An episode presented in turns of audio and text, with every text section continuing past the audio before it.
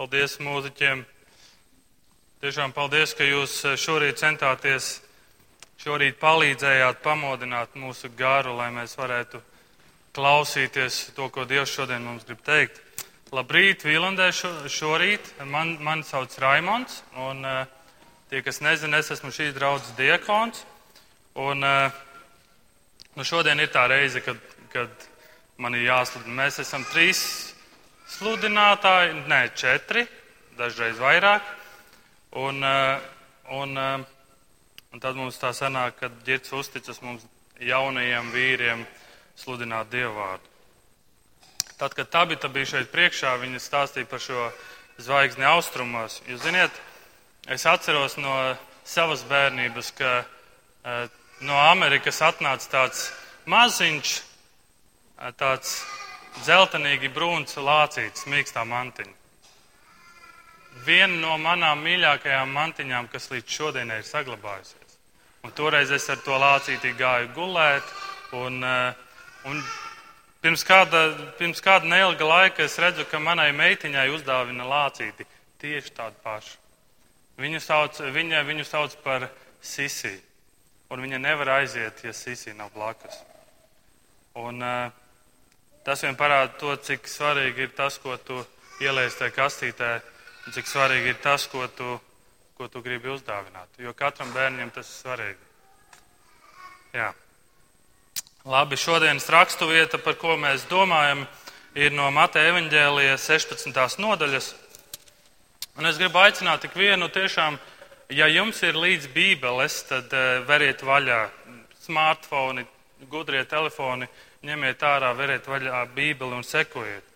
Es gribu, ka jūs sekojat, jo tas ir vieglāk e, ieraudzīt to bildi, ko mēs gribam ieraudzīt. Mātei 16. nodaļa lasīšu pirmos 12 pantus. Mātei 16. pirmie 12 panti.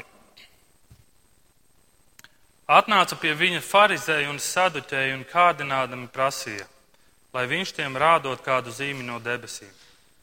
Bet viņš atbildēja un tiem sacīja, kad vakars metas, jūs sakāt, būs labs laiks, jo debesis ir sarkana. Un rīta agrumā šodien būs negaiss, jo debesis ir sarkana un apmākusies. Gaisa parādības jūs izprotat, vai jūs nevarat arī laika zīmes izprast? Ļauna un laulības pārkāpēja cilts meklē zīmes, bet viņai nekāda cita netiks dota kā vien pravieša Jonas zīme un viņš tos atstāja un aizgāja. Un viņa mācekļi pārceldamies uz otru malu aizmirsa maizi paņemt līdzi. Bet Jēzus uz tiem sacīja: Pielūkojiet un sargājieties no farizēju un saduķēju rauga. Bet viņi domāja un runāja savā starpā, tas tam dēļ, ka neesam maizi paņēmuši līdzi. Un Jēzus to nomanīdams uz tiem sacīja: Kamdēļ jūs tā domājat, ka jums nav maizes, jūs masticīgie? Vai jūs vēl nesaprotat un neatminaties tās piecas maizes pieciem tūkstošiem? Un cik grozu jūs tur vēl salasījāt? Nec tās septiņas maizes četriem tūkstošiem, un cik grozu jūs vēl salasījāt? Kā tad jūs nesaprotat, ka es nerunāju par maizi, jums sacīdams, sargaities no farizē un saduķēju rauga? Tad tie saprata, ka viņš nebija teicis, lai sargās no maizes rauga, bet no farizēju un saduķēju mācības. Lūksim Dievu. Lielais varenais debes tēvs, mēs pateicamies, ka šajā rītā mēs varam nākt tavā vārdā šeit, šajā namā. Tēvs, es pateicos par to, ka tu esi mums devis savu vārdu, pateicos, ka tavs vārds ir nemainīgs visus šos gadsimtus. Paldies, ka tu esi nemainīgs. Paldies, Tev, Tēvs, par to, ka mums nav vajadzīgas visādas programmas vai idejas, Tēvs, bet mums pietiek ar Tavu vārdu. Tāpēc lūdzu, ka Tu šodien atver mūsu acis un palīdz mums dzirdēt, lai mūsu ausis ir dzirdīgas. Debes Tēvs, paldies, ka Tu esi Dievs, kurš neuzspiež nekad. Paldies, ka Tu esi Tēvs, kurš nekad neuzspiež sevi, bet Tu vienmēr aicini tu vienmēr meklē. Un tēvs, eh, tāpat kā saule dabai dod dzīvību, tāpat arī, tāpat arī Kristu, kad mēs uz tevi skatāmies, Tu esi mūsu dzīvība. Tikai tad, kad mēs uz tevi skatāmies, mēs starojam, mēs spīdam, mēs, mēs plūstam kā dzīvības upe. Un tāpēc es lūdzu, ka tu šodien atver mūsu acis. Es lūdzu, ka tu uzklaus mūsu lūgšanas, tu redzi mūsu sirdis, tu redzi mūsu varbūt sāpes vai raizes vai slimības. Un, Tēvs, es lūdzu, ka tu šodien pagodinies īpaši. Mēs gribam saprast, ko tu gribi mums šodien teikt. Un es lūdzu, ka tu uh, vadi manus vārdus un uh, manas emocijas, Tēvs, un uh, lai viss, ko darām, ir Tev par slavu un godu. Jēzus vārdā. Āmen.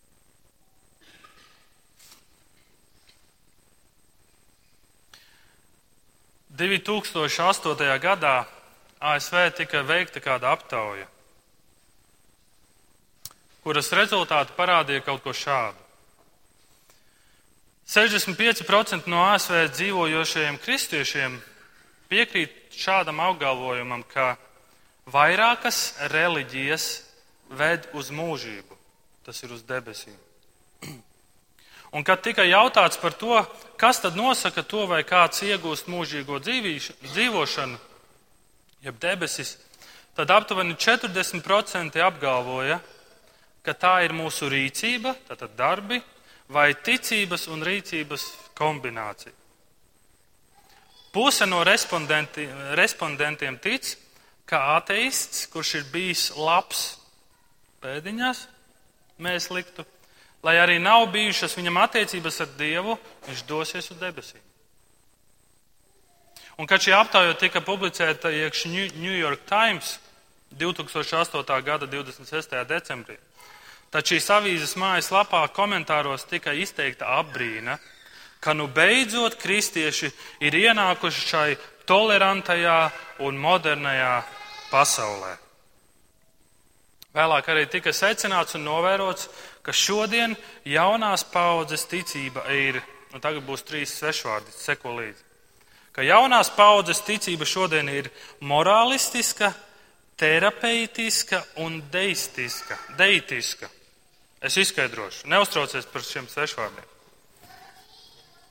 Tātad viņi ir morālisti, jo tie vairs netic, ka attiecības attiecībā uz Dievu un pieejā pret Dievu ir vajadzīga šī ra radikālā žēlastība un piedošana. Tas nozīmē, ka viņi jūt, ka ik katrs, kurš ir labs un godīgs pret citiem, dosies uz debesīm. Tev jābūt labam un godīgam, un tu dosies uz debesīm. Šī jaunā un modernā paudze ir arī terapeitiska. Tas, kā es izrunāju. Daudz dzīvo ar uzskatu, ka pats svarīgākais dzīvē ir būt laimīgam un justies par sevi labi. Tu esi laimīgs? Tu jūties labi?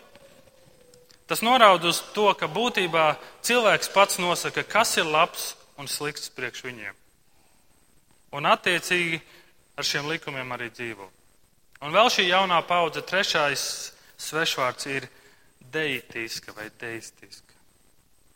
Deisma definīcija saka, ka tā ir ticība tikai eksistenciāla, ka tā ir tikai eksistenciāla ticība dievam, kas balstās tikai uz pierādījumiem un dabu. Būtībā šeit tiek pieņemts, ka dievam nav obligāti jābūt iesaistītam kāda cilvēka dzīvē. Dievam nav obligāti jābūt iesaistītam tavā ikdienas dzīvē, izņemot gadījumus, ka tev ir problēmas. Izņemot gadījumus, ka tev ir vajadzīga palīdzība. Tātad, lai dzīvotu labu dzīvi, nav nepieciešamas patstāvīgas garīgās attiecības. Tev nav nepieciešamība patstāvīga garīgā iejaukšanās un atbalsts. Dievs mūs ir radījis, bet tagad Dievs palīdz tiem, kas spēj paši sev palīdzēt. Šīs trīs lietas. Ko tad mēs redzam šodienas raksturvietā? Trīs lietas es gribu uzsvērt. Farizē un saduķē lāsts, mācekļu problēma un Kristus risinājums. Vienīgais risinājums. Pharizēji un saduķēji. Ir jau tā, ka tiklīdz mēs dzirdam farizējus un saduķējus, mums uzreiz prātā nāk noteikta, noteikta definīcija, noteikts, noteikts skaidrojums. Mums ir noteikts spriedums par viņiem. Mēs zinām, ka Jēzus ar šiem tipiņiem, šiem, šo cilvēku kategoriju ļoti bieži nesatika. Viņi ļoti bija viens pret otru. Bet interesanti ir tas, ka man liekas, bieži vien nepamanām, ka mēs paši esam šajā kategorijā. Kāds mācītājs teica, tiklīdz tu sāc tiesāt farizējus, tu pats esi farizējs. Tātad pirmie četri panti no šīs 16. nodaļas mums parāda sarunu ar farizējiem un saduķējiem. Un viņi nāk pie Jēzus, un ko viņi dara? Viņi prasa, parādi mums zīmi no debesīm. Matejs, šīs vēstules autors, parāda, kas ir viņu patiesā motivācija, kāpēc viņi nāk un to prasa. Un viņu motīvs ir izaicināt, testēt Kristu vienmēr. Šī nav pirmā reize, kad viņi no Kristus prasa zīmi. Viņi arī iepriekš, Matē 12. nodaļā, viņi saka, rādi mums zīmi. Toreiz viņi neprasa no debesīm, bet rādi mums zīmi. Un Jēzus atbilde vienmēr ir, neviena cita zīme jums netiks rādīta kā tikai Jonas zīme. Viņu mērķis nav meklēt un saprast, vai Kristus ir tas, kam jānāk, vai Kristus ir tas īstais. Bet viņu mērķis ir darīt visu, lai tauta ierauga un lai tauta iet prom no Kristus. Lai tauta neseko Kristum, lai tauta neklausās viņa vārdos. Pharizēji ir tādi vidējas kārtas cilvēki. Varētu teikt, tādi vidējas klases biznesmeņi, ja tā varētu teikt. Paši ir izveidojuši savus likumus, un viņiem šie likumi kļūst daudz nozīmīgāki par dieva likumiem. Jēzus bieži vien norāja un norāda uz viņu liekulību, lūgšanās un ikdienas dzīvi. Savukārt saduķēji, saduķēji ir tādi aristokrāti. Tie ir tie bagātie, Tie ir tie no augstākās kārtas.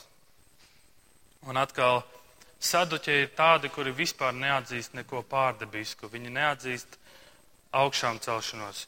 Viņi neatzīst to, ka tev vajadzīga, ka tev Dievs ir vajadzīgs ikdienā. Neko tādu viņi neatzīst.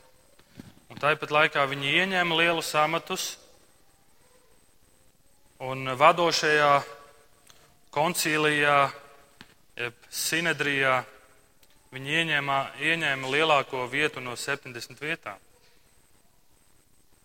Saduķējiem svarīgāk bija politiskie procesi nekā reliģiskie. Viņi gāja uz lieliem kompromisiem ar Romu, ar Romas impēriju, un tā iemesla dēļ saduķēji bija ļoti, viņi nebija tik iecienīti kā farizēji. Un šajos pirmajos četros pantos mēs redzam šo sarunu. Farizēji jautā, farizēji un saduķēji jautā, rādi mums zīmi, un Jēzus atbilda ir, viņš, viņš saka, zīmes debesīs jūs saprotat. Par laika apstākļiem jūs saprotat, bet to svarīgāko jūs nesat sapratuši. Laika zīmes jūs nesat sapratuši. Jūs nesat sapratuši, ka šis ir tas laiks, kad man bija jānāk ka es esmu tas īstais, kas, ka viss tas norāda uz to, ka man bija jānāk un es esmu īstais, kuram bija jānāk. Un farizēji, likuma kalpi, likuma mācītāji nav to ieraudzījuši, ka Jēzus ir īstais, kam jānāk.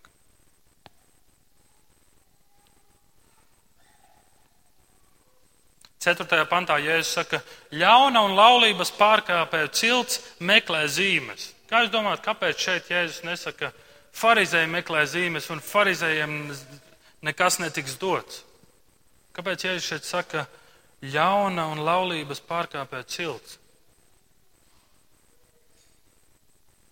Kāpēc viņš saka, ka šī, šai samaitātai paudzē nekāda zīme netiks dota? Iespējams, ka tas vien norāda, cik ļoti ātri šis raugs izplatās. Cik ļoti ātri šis raugs ietekmē apkārtējos. Un 4. pantā mēs redzam rezultātu. Mēs redzam Jēzus reakciju. Viņš tos pameta un devās projām. Tas ir farizēju pašu lāsts. Visapkārt viņiem ir brīnumi, bet viņi tiem netic. Ja jūs paskatītos 15. nodaļas noslēgumu, jūs pamanītu, ka tur ir brīnums, ko Jēzus dara. Viņš paburo 4000. Viņš dara brīnumu. Arī citus brīnumus farizēji redzēja, bet viņi nāk un tikai jautā, bet viņi netic. Viņi netic un viņi nespēja saprast, ka Jēzus ir tas īstais.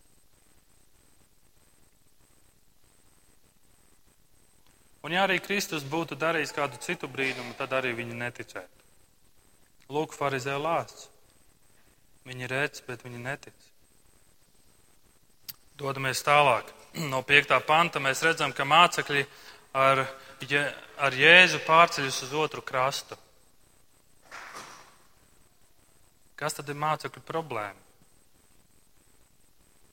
Paralēlā rakstu vieta šai, šai rakstu vietai ir eh, Marka evaņģēlija 8. nodaļā. Mēs redzam, ka viņi pārceļas uz otru krastu, un Marks saka, ka viņi ir paņēmuši vienu maizi, Matejs saka, ka viņi vispār maizi nav paņēmuši. Bet tas nav svarīgi. Bet šajā brīdī Jēzus saka šos, šos svarīgo brīdinājumu pavēlu. Pielūkojiet un sargieties no farizēju un saduķēju rauga. Mācekļi sāk spriedelēt un satraukties savā starpā. Kāpēc Jēzus to saka? Viņš to saka tāpēc, ka mēs maizi neesam paņēmuši. Ko tad tagad mēs būsim badā? Tagad mēs vairs nebūsim pāēduši. Bet skaties, interesanta lieta. Marka 8. nodaļa 2 līdz 4 pants. Tur ir rakstīts šādi. Ja es saku, man ļoti žēl šo ļaužu, jo tie jau trīs dienas ir pie manis un tiem nav ko ēst. Un ja es tos nēdušus atlaidīšu uz mājām, viņi ceļā novāks, jo daži ir nākuši no tālienes. Tad Jēzus, mācekļi, un Jēzus saka, man ļoti žēl šo cilvēku. Viņi, ja viņi ies, viņi viņi novāks, jo viņi ir gājuši no tālienes. Viņiem nebūs ko ēst. Mācekļi stāv blakus, iedomājieties, viņi stāv jēzum blakus. Viņi saka, kas šeit tuksnesī šos ar maizi var pabarot? Kas tad viņus var pabarot? Tu redzi, mācekļi stāv blakus jēzum šim brīnumu darītājam, šim, kuram vienīgajam ir iespēja, viņi jautā šo jautājumu, kas tad viņus var pabarot? Un šķiet, kas par jautājumu? Jēzus stāv blakus, šis brīnumu darītājs, bet mācekļi to neredz. Un šis nav pirmais Jēzus brīnums. Bet tu redzi, ka mācekļi netic. Un tagad, kad viņi ir laivā, viņi atkal runā par šo maizi. Viņi, atkal, viņi ir aizmirsuši to, ko Jēzus darīja ar tiem četriem tūkstošiem. Viņi ir aizmirsuši, aizmirsuši to, ko Jēzus ir darījis ar pieciem tūkstošiem. Un tagad viņi ir, cik viņi tur 12, un viņi saka, tas tāpēc, ka mēs maizi aizmirsām, viss mums nebūs ko ēst. Mums nepietiks maizes. Kā tu domā, kāda ir Jēzus reakcija?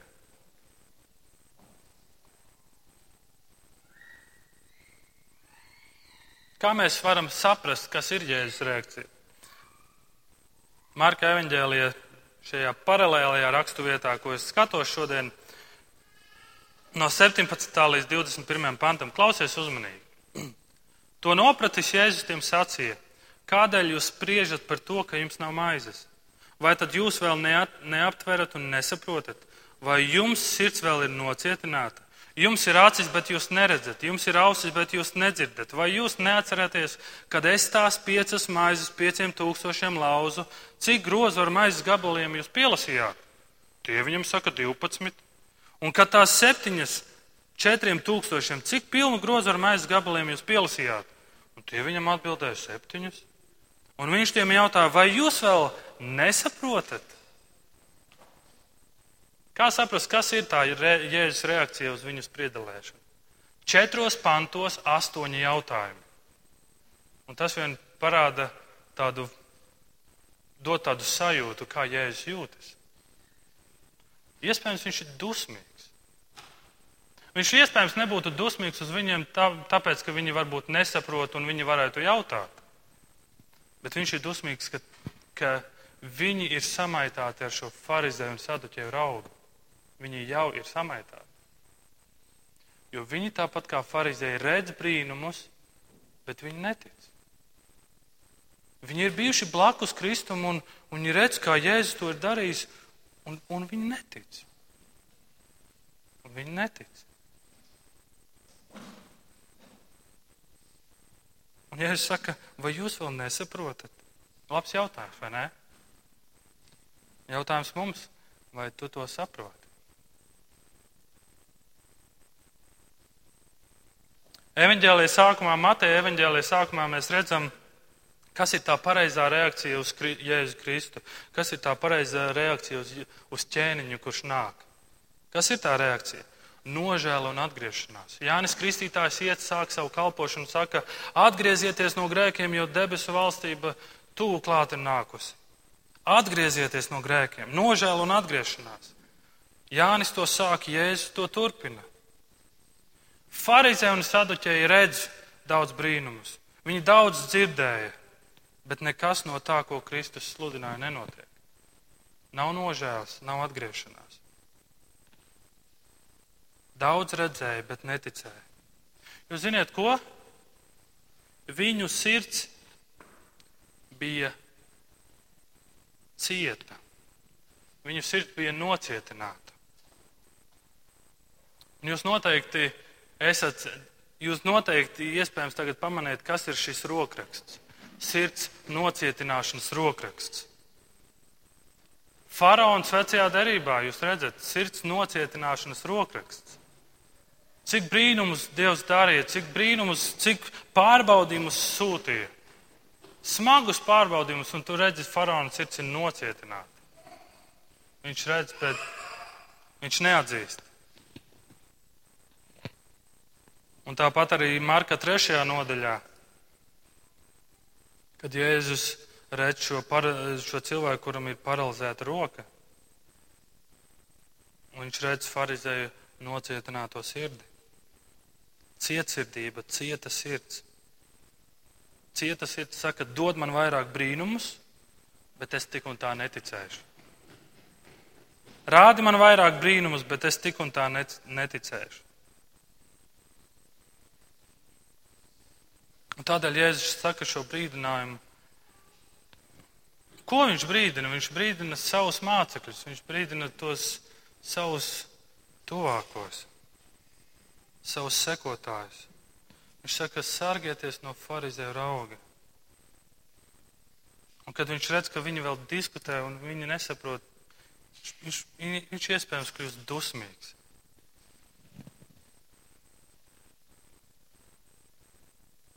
Lūk, mācekļu problēma. Viņi neredz un nesaprot. Arī mācekļu sirds ir nocietināta. Vēl vairāk brīnumu viņiem nepalīdzēs. Jeremijas grāmatā 5. nodaļā ir tādi, tādi šādi panti. Un kad tie prasīs, kādēļ kungs mūsu dievs mums visu to darīja, sakitiem, kā jūs atmetāt mani un savā zemē kalpojāt svešiem dieviem, tā jūs kalposiet svešiniekiem zemē, kas nebūs jūsu. Stāstiet to jēkabam namam un vēstiet jūdā. Klausies, nu, muļķi un bezsirža tauta. Jums ir acis, bet jūs neredzat, jums ir ausis, bet jūs nedzirdat. Un Ecehiela 12. grāmatā eh, 12. nodaļā, 1. panti, un pār mani atkal nāca tā kunga vārds - cilvēka bērns, tu dzīvo stūrgalvīgas cilts vidū. Tiem ir acis, lai redzētu, bet tie neredz. Tiem ir ausis, lai dzirdētu, bet tie nedzird, jo tie ir pretestības pilna cilts. Lūk, Dieva sots. Dumpīgai ciltī, dumpīgam cilvēkam. Tev ir acis, bet tu neredzēsi, tev ir ausis, bet tu nedzirdēsi. Un trešais - Kristus vienīgais risinājums. Gan Mateja evaņģēlijā, gan eh, Marka evaņģēlijā pēc šī notikuma, kad viņi, kad viņi šī saruna ar farizējiem, pēc tam ir eh, brauciens eh, pa šo Galilejas jūru un šī saruna ar mācekļiem. Un pēc šī notikuma seko šis, šī saruna ar mācekļiem, kad Jēzus jautā, ko cilvēki par mani saka, kas es esmu. Citi saka, tur ēlie, citi kāds no praviešiem. Un tad Jēzus saka, bet ko tu saki par mani? Un tu redzi, ka Pēteris, tas māceklis, viņš saka, tu esi Kristus, tu esi dzīvā Dieva dēls. Tu esi Kristus, tu esi dzīvā Dieva dēls. Un pēkšņi mēs redzam, ka mācekļu acis tiek atvērtas, viņi saprot, viņi redz. Mateja evaņģēlijā mēs lasījām, ka pēc šiem jautājumiem, ko Jēzus uzdod, mācekļi, un tur Matejs saka, tad tie saprata, ka viņš nebija teicis, lai sargās no maizes rauga, bet no farizē un saduķēju mācības. Kā tu vari droši būt, ka viņi saprata? Tāpēc, ka pēc tam seko Pētera reakcija, tu esi Kristus.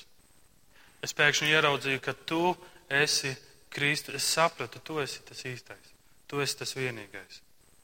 Marka evanģēlijā šī saruna ar mācekļiem pirms tam notiek kāds brīnums. Jēzus atver aklēm acis. Un pēc tam Pēteris saka, tu esi Kristus. Jautājums, vai šī brīnuma dēļ, vai tātad vēl viena brīnuma dēļ, Pēterim acis tiek atvērtas?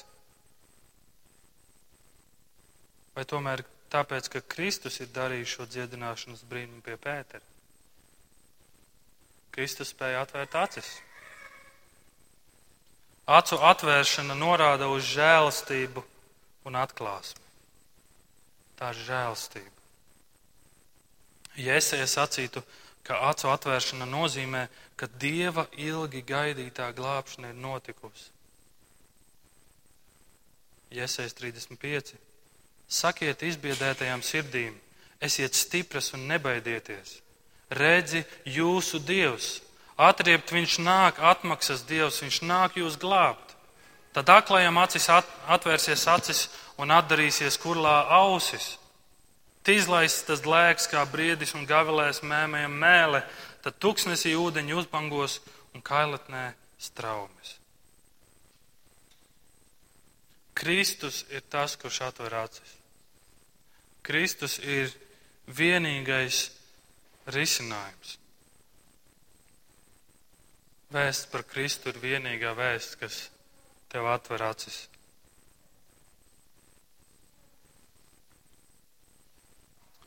Sargieties no farizē un saduķē rauga, sargieties no viņu mācības. Mēs redzam, ka farizē un saduķēji, ka viņi bija tādi, kuri gāja uz daudz kompromisiem, sacīja vienu, bet darīja pavisam ko citu. Lūkas evanģēlīja 12. nodaļā šeit teikts, sargieties no liekulības. Sargieties no liekulības. Sargieties. Sargieties no šī rauga, sargieties no viņa mācības. Kādas mācības piekritējis esi tu? Tu esi morālists vai deisma piekritējis? Un kas Jēzus Kristus ir tev?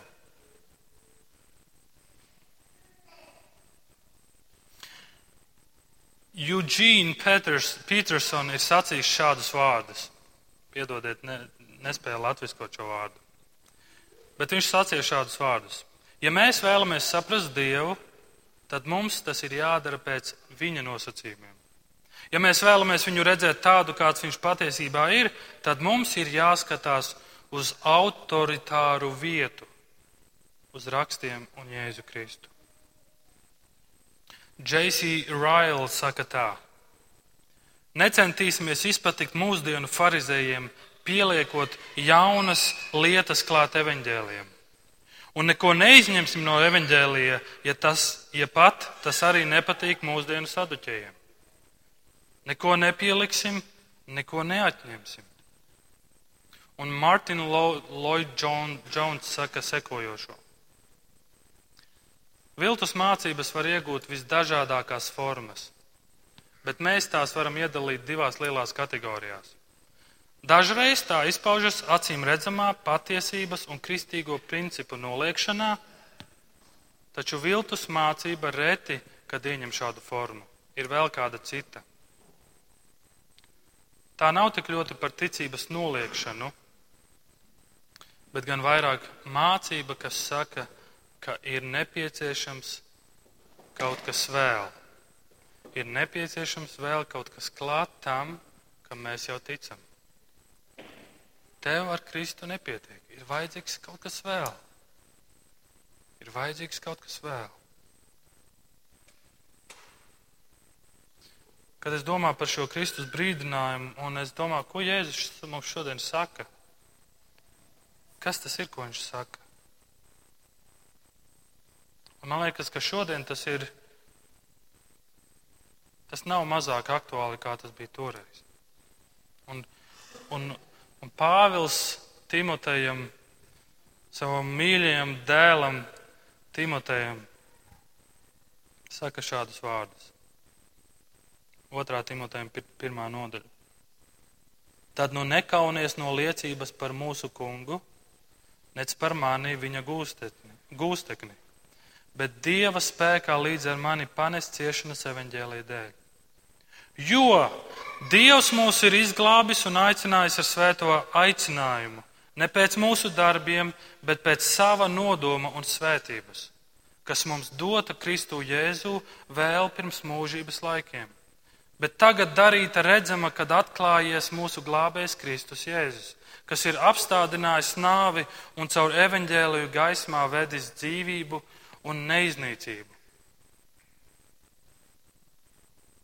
Un tad, kad es to lasu, es redzu, ka Pāvils Timotejam pasludina evaņģēliju. Un tas jautājums varētu būt, Pāvils Timotejs to jau zina.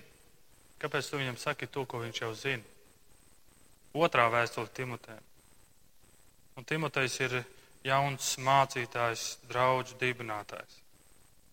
Un tu viņam saki kaut ko, kas, ko viņš jau zina. Tu viņam stāsti evaņģēliju. Bet tāpēc, iemesls, kāpēc Pāvils to saka, viņš saka, tāpēc es gribu, lai tu pie tā paliec. Es gribu, lai tu pie tā turies. Es gribu, lai tu paliec šai vēstī. Nepieliec neko un neatņem. Paliec šai evaņģēlē. Esi uzmanīgs, paliec tajā. Tad, kad es domāju par šiem Kristus brīdinājumu vārdiem, es domāju, ka reizēm mēs mēģinam, mēs cenšamies kaut ko nosargāt, vai ne? Mums ir sajūta, ka mums, mums ir kaut kas jāsargā, mums ir kaut kas jānosargā. Sargāsim mūsu ticību. Stipri stāvēsim. Esmu dzirdējis, kā citi nostājas pret citām maldu mācībām. Šis ir laiks, kur mēs, kurās mēs domā, dzīvojam ļoti lielos maldos, un maldu mācības ir visur. Bet e, ir konferences, kur kāds saka, o, tie tur maldu mācība, tie un tie tur nepareizi dara. Ziniet, kas notiek, visi smējas. Ah, ah, ah, ah. Es domāju, cik viegli pateikt vārdi, vai ne? Tu pasaki, tie ir maldu, un tu vienkārši smējies. Vai tā, par to ir jāsmēs, vai par to ir jāraud? Kad tu redzi, ka kāds ir maldos, tu nesmiesies, tu raudās, tu lūgsi Dievu, tu lūgsi pēc žēlstības. Cik viegli tie vārdi nāk pār mūsu mutēm, tas vai tas vai tas. Bet šodien ir tik daudz maldi. Šodien kādi saka, ja tu sāki ticēt, nemaz vairs savu ticību nepārbaudi. Neizjautā savu ticību, nejautā, vai tu esi pareizajā ticībā vai nē, vai tu esi attiecībās ar Kristu pareizi vai nē, nemaz nejautā to savā dzīvē. Daudzi to tā saka. Bet tam Bībele mūs aicina pārbaudīt savu sirdi, izjautā, vai tu esi uz pareiza ceļa, jautā vēlreiz un vēlreiz un vēlreiz. Meklē rakstos, lūdz, nāc pie viņa priekšā. Sauc, kliedz kā šis aklais. Tu dzirdi, ka jēzus iet garām, kliedz uz viņu, lai viņš atver tavas acis. Man liekas, reizēm mēs gribam kaut ko baigi nosargāt.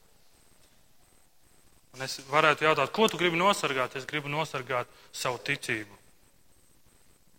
Pastāst man par savu ticību. Uh, nu, un tad sākas. Jā, man liekas, ka tas ir tā, un tas ir tā, un tas ir tā. Man liekas, reizē mēs gribam nosargāt Kristu, kuru patiesībā mēs nemaz nepazīstam.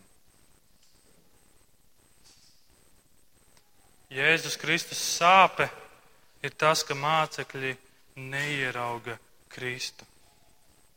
Ka viņi vēl nesaprot no šiem brīnumiem, ko Kristus ir darījis.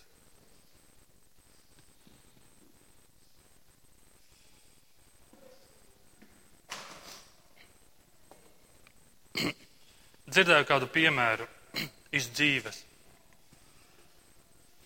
Kāds jauniešu mācītājs, kurš ir precējies, aizgāja uz kādu parku sēdēt pie strūklakas. Un viņš sēdēja tur pie strūklakas, un viņš pamanīja, ka tur kāds sēž kāds gados, nu gados, 50 gadīgs vīrietis aptuveni. Un viņš tā domāja, nu es pieešu, un nē, viņš sēdēja, un viņš vienkārši sāka lasīt savu bībeli. Viņš lasa bībeli, un tad tas uh, vīrietis tā kā pienāk apsēžas tuvāk, un nu, ko tad tu tur lasi, un, un, un, un tā tālāk. Un, Un tad šis jauniešu mācītājs domā, hmm, šī ir iespēja.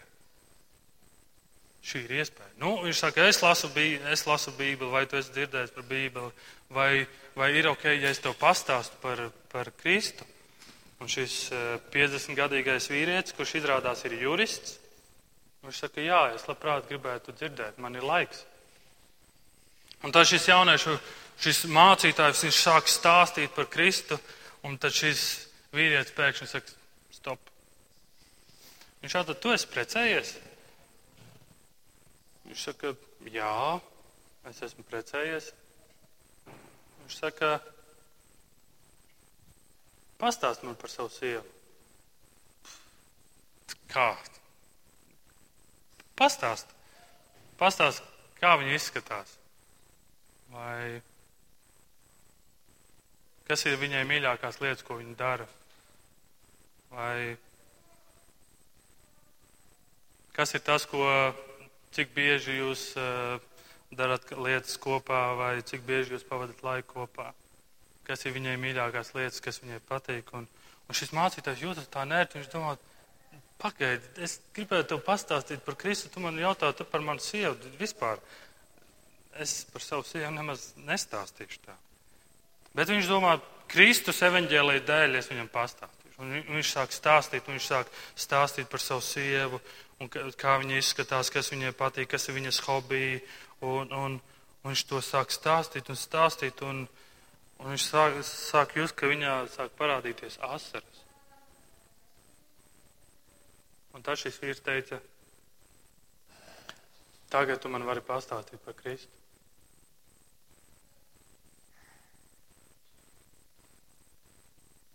Tad šis eh, jauniešu mācītājs izplūda asarās, un eh, šis vīrs teica, ka patiesībā viņš jau ir kristietis eh, pats ilgus gadus. Un, un ka viņš, tas veids, kā viņš varbūt Kristu pastāsta, ir nevis uzreiz ejot klāt, bet, bet sarunās ar cilvēkiem.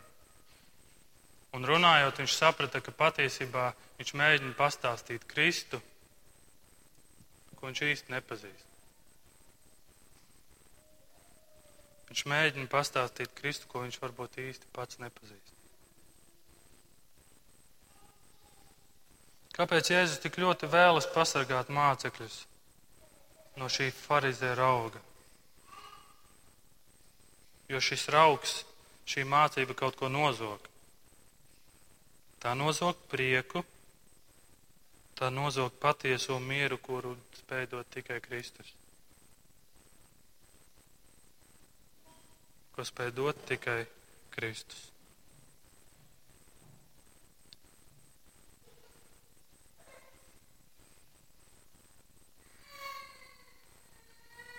Tad, kad tu ieraugi Kristu patiesībā, tad, kad tu ieraugi un atzīsti, ka Viņš ir Kristus, tad tas, ko tu dziedāsi savā dzīvē, un tas, ko tu teiksi savā dzīvē, būs šie vārdi no šīs dziesmas - Amazing Grace. Brīnišķīgā žēlstība. Cik salds ir šis vārds. Tas ir izglābis a wretch like me. Tas ir izglābis grēcinieku kā es. Kādreiz es biju pazudis, bet tagad esmu atrasts. Es biju akls, bet tagad es redzu. Laimīgi garā nabagie. Laimīgi garā nabagie. Iesaka, uzmanieties, ka jūsu sirds nav cieta nav nocietināta. Redzot visu to, ko dzīvē viņš ir darījis, ko viņš tavā dzīvē vai citu cilvēku dzīvē darījis, nenocietini savu sirdi. Es gribu tevi aicināt, tā kā pagājušā svētdienā mēs, tevi, mēs arī aicinājām, ja, ja tu jūti vai, vai tu gribi, lai mēs par tevi aizlūdzam, tad šeit ir ģērbts, šeit būšu es. Markus arī ir šeit. Mēs labprāt kalposim, uzklausot jūs un aizlūdzot. Lūksim Dievu.